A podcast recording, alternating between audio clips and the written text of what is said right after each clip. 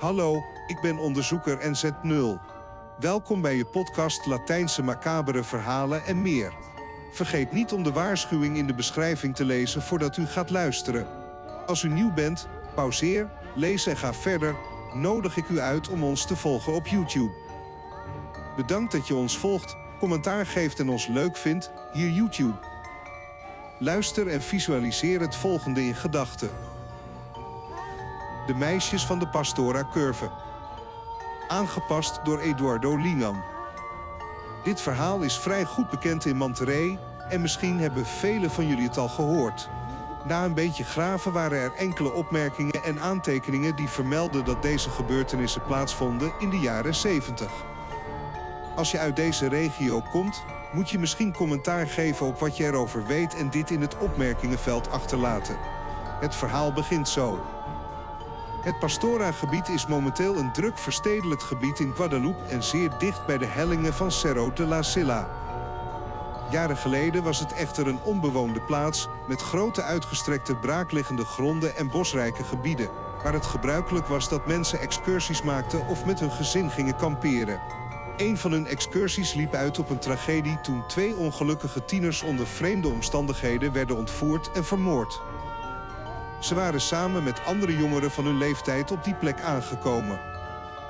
Terwijl ze samen woonden, besloten ze om alleen de bosrijke omgeving te gaan verkennen zonder het aan iemand te vertellen.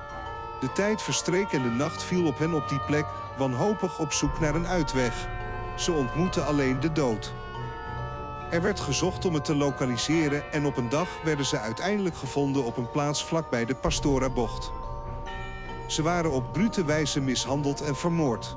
Het nieuws verspreidde zich snel door de regio Monterrey, Mexico, waar veel onderzoeken werden uitgevoerd om hem of de daders van deze bloedige en vrede misdaad te vinden. Ze zijn er nooit in geslaagd de verantwoordelijke te vinden en de misdaad van de jonge meisjes bleef onopgelost met de tijd en de groei van de bevolking. Het Pastora-gebied begon te groeien en zich te organiseren. Dit betekende dat er veel voertuigen en openbaar vervoer door het gebied reden. Het is op dit punt waar de legende van de kinderen van de curve aan kracht begint te winnen. Er begonnen getuigenissen en gesprekken onder mensen op te duiken die suggereerden dat jonge mensen op deze plek verschenen, waardoor bestuurders bang werden en niet dodelijke ongelukken veroorzaakten. Deze ongevallen werden plotseling veroorzaakt door ze te zien, voornamelijk in de achteruitkijkspiegel of bij het oversteken van de weg. Taxichauffeurs en buschauffeurs zijn degenen die het meeste contact hebben gehad met deze verschijnselen. Een stadsbuschauffeur keerde terug naar de basis nadat hij zijn dienst had beëindigd. Het was 20 uur en de zon was ondergegaan. Duisternis doemde op over de toppen van Cerro de la Silla en de lichten van honderden auto's waren te zien die de avenue overstaken. Toen we de bocht omgingen, gingen de lichten van de bus branden. Een paar jonge meisjes die hem tegenhielden. De chauffeur maakte een gebaar met zijn handen dat hij niet meer ging en vervolgde zijn weg. Na een tijdje trok iets zijn aandacht en hij zag het in de achteruitkijkspiegel. Het was het beeld van de jonge meisjes die hij in de bocht had gezien, achter in de auto, naar hem starend en gekleed in hun schooluniform. Toen hij ze zag, remde de bestuurder en liet het stuur draaien, waardoor hij bijna tegen een garnering botste. Hij draaide zich om om de jongeren te zoeken en ze waren al verdwenen. Een andere huiveringwekkende getuigenis werd afgelegd door de vlucht, een nachtbraker wiens voertuig kapot gaat bij het draaien van de bocht. Er wordt vermeld dat het ongeveer 1 uur in de ochtend zou zijn. Wanneer hij overweldigd en moe is, besluit hij uit de auto te stappen en de, de nodige voorzorgsmaatregelen om te voorkomen dat een ander voertuig met uw auto in botsing komt.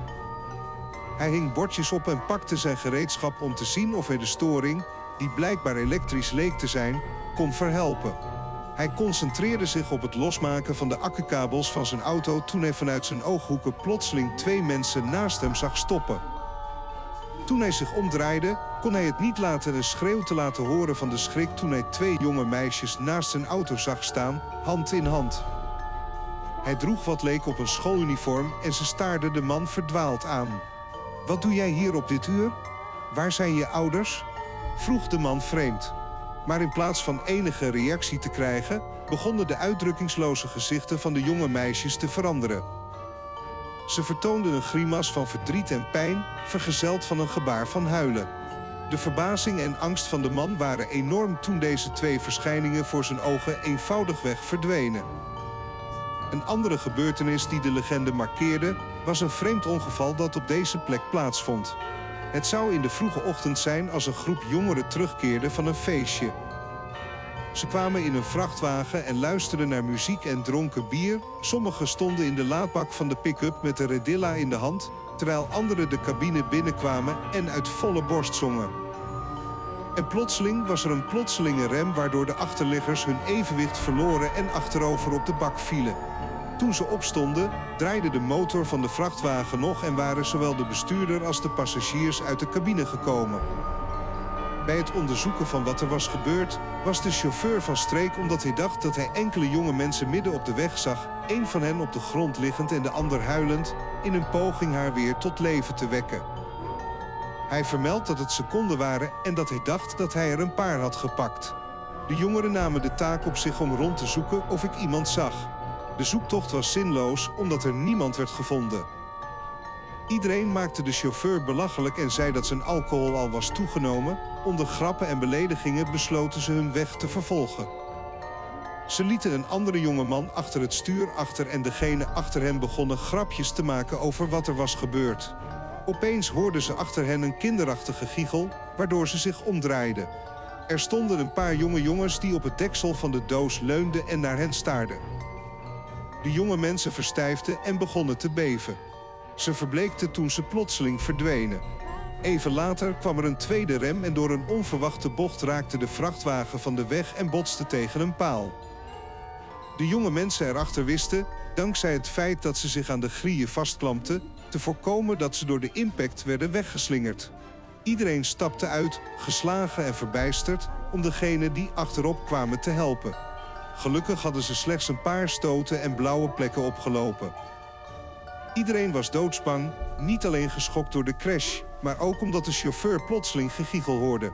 Aan zijn kant.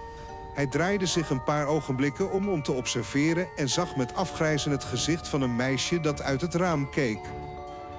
Dit was de aanleiding voor hem om uit te wijken en zijn voet op de rem te zetten.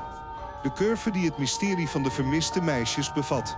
Tegenwoordig melden veel mensen dat ze hun manifestaties hebben gezien en contact hebben gehad met deze ongelukkige geesten die op deze plek blijven ronddwalen en wachten.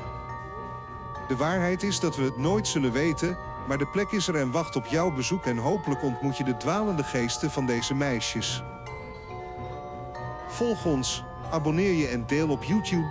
Dit helpt mij verder met dit project. Geef je mening. In de beschrijving vind je de e-mails om je verhalen te versturen voor het geval je ze graag wilt delen. Ik waardeer uw voorkeur. Tot de volgende aflevering. Macabere Latijnse verhalen en meer.